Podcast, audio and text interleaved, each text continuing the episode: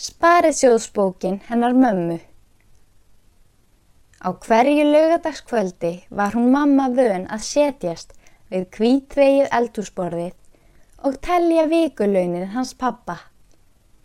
Ég sé anda áhyggju hrukkurnar á andliti hennar sem vanalega var þó svo kyrlátt og slétt.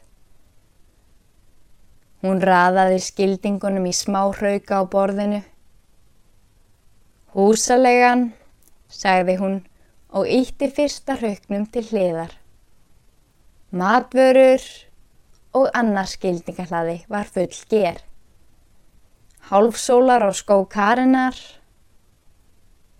Kennarin segir að ég þurfi að fá nýja stílabók. Herðist þá kannski frá einhverjum okkar krakkana. Mamma sagði þá vanalega ekki neitt en ef þetta var bráð nöðsynlegt lagði hún skilding til hliðar vegna þessara útgjalda. Og litla hrúan á borðinu minkaði smátt og smátt og skildingarhauganum fjölgaði. Það var hort á þetta með djúbri og stundum ofurlítið örvendingablandinni eftirtækt. Dögnin var ofta strófin með því að pappi spurði, hægt og alvarlega, er allt? Ef mamma kinkaði kolli var allt í lægi og við seildumst á eftir skólabókunum og fórum að lesa í makindum eða að sinna heimastílnum. Og þá leið hægt brós yfir varum ömmu. Er gott, tautaði hún ofurlátt fyrir munni sér. Þarf ekki að fara í banka. Já, Sparisjóðsbókin hennar mömmu var undursamlegur hlutur. Hún veitti okkur öllum svo sterka og notalega öryggistilfinningu. Engin af kunningjum okkar átti sparisjóðsbók í stórum banka. Ég man ennþá þegar Jensen, sem bjó neðar við götuna, var borin út af því að hann gata ekki greitt húsaleguna. Við krakkarnir gláttum á stóru og skuggalegu mennina sem komi með húsbúnaðin hans út um dyrnar og við sáum tárin á vöngum konunar hans. Við urðum skindilega grepin einhverjum óskiljanlegum óta. Svona fór þá fyrir þeim sem ekki hafðu ofurlítinn hraug af skildingum á hverju lögataskvöldi til þess að borga með húsaleguna. Gæti, já, Gæti svona hræðilegt komið fyrir okkur? En þá smegði Karin litlu hlýju fingrunum í lofan á mér. Við eigum sparisjóðsbók, sagði hún látt og ákveðið. Þá gæti ég aftur farið að anda rólega. Þegar Nels hafði lokið fullnaðarprófi í gagfræðaskólanum, langaði hann til að ganga í verslunarskóla. Er gott, sagði mamma og pappi kinkaði kolli. Við farðum stólana að eldúsborðinu full af áhuga. Ég seildist eftir skrautmálaða skríninu sem hún Sigriður Franka hafði sendt okkur frá Noregi og setti það gætilega fyrir framann mömmu. Þetta var litli bankin. Allt annað en stóri bankin þar sem sparisjósbókin hennar mömmu var geimt.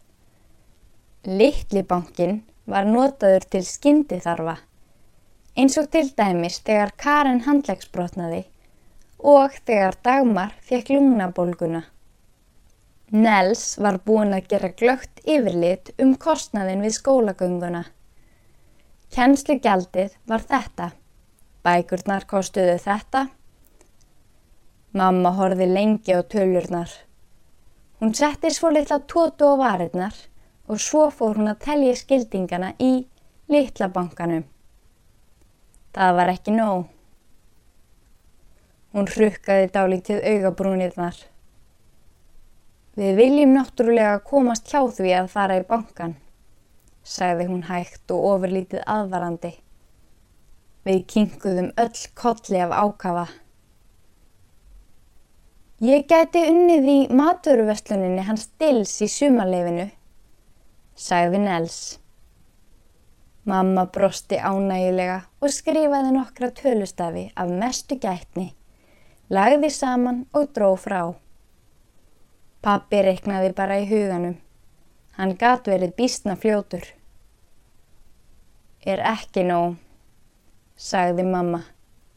Þá lagði pappi tóbakspípuna sína á borðið, horði sem snöggvast skáhalt upp í loftið og sagði eins og það væri útkljáð mál. Ég hætti að reykja. Mamma snerti sem snöggvast við handegnum á pappa en sagði ekkert.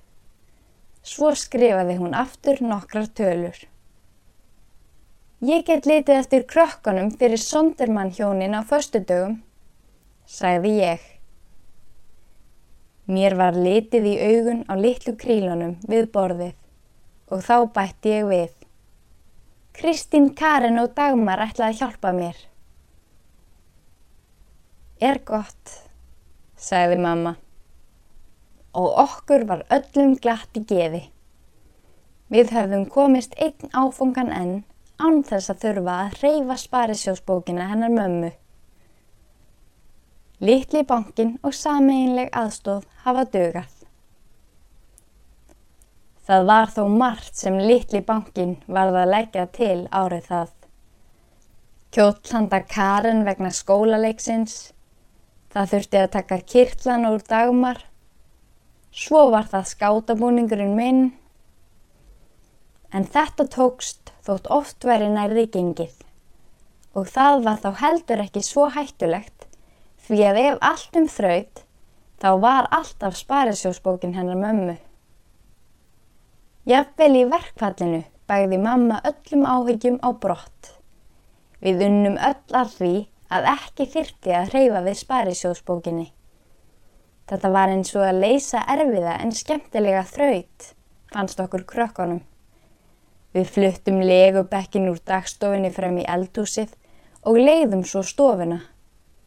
Mamma hjálpaði til í brauðgerðinni hans krúöps og fekk fyrir það afganga og brauð sem var dálítið geimt. Mamma sagði að nýtt brauð væri einlega ekki holdt og ef geimt vínarkaka var sett sem snöggvast inn í bökunarofnin var hún alveg eins og ný. Pappi þóði flöskur í mjölkurstöðinni á hverju kvöldi.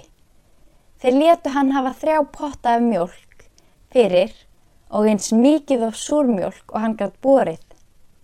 Mamma bjóð til ágættan ost. Dægin sem verkvallinu létti og pappi fór áttur að vinna, síndist mér samt hún mamma verið dálitið byggni í baki en áður. Er gott, sagði hún og brosti ánægilega. Sparisjósbókin hefur ekki verið hreyfð eins og þið vitið. Og áður en varði vorum við krakkarnir komnir á legg. Svo giftumst við og týndumst smátt og smátt á brott. Og pappi síndist lágvaksnari og mamma var orðin grá fyrir hærum. Littla húsið var greittað fullu og pappi var farin á ellilaun. Í fyrra seldi ég fyrstu söguna mína. Útgefandin sendi mér fallega græna ávísun og ég flýtti mér með hana til mömmu og lagði hana í kjöldu hennar. Þetta átt þú að eiga, sagði ég, og þú átt að leggja upphæðina í sparisjósbókina þína. Hún tók ávísunina og það kom ofurlítill metnaðarglampi í gömlu augun. Er gott, sagði hún. Á morgun átt þú að fara með hana í bankan, sagði ég. Það kom svo litið higg á hana. Þú ætlar að koma með mér, Katrín sagði hún svo. Þess þarf ekki, sagði ég. Sjáðu, ég er búin að skrifa nafnið mitt aftan á ávísununa og svo byður þú bara gældkeran að leggja upphæðina á bókina. Þá leitt hún til mín og döft brós leikum varir hennar. Það er engin bók, sagði hún. Ég hef aldrei á æfiminni átt sparisjóðsbók.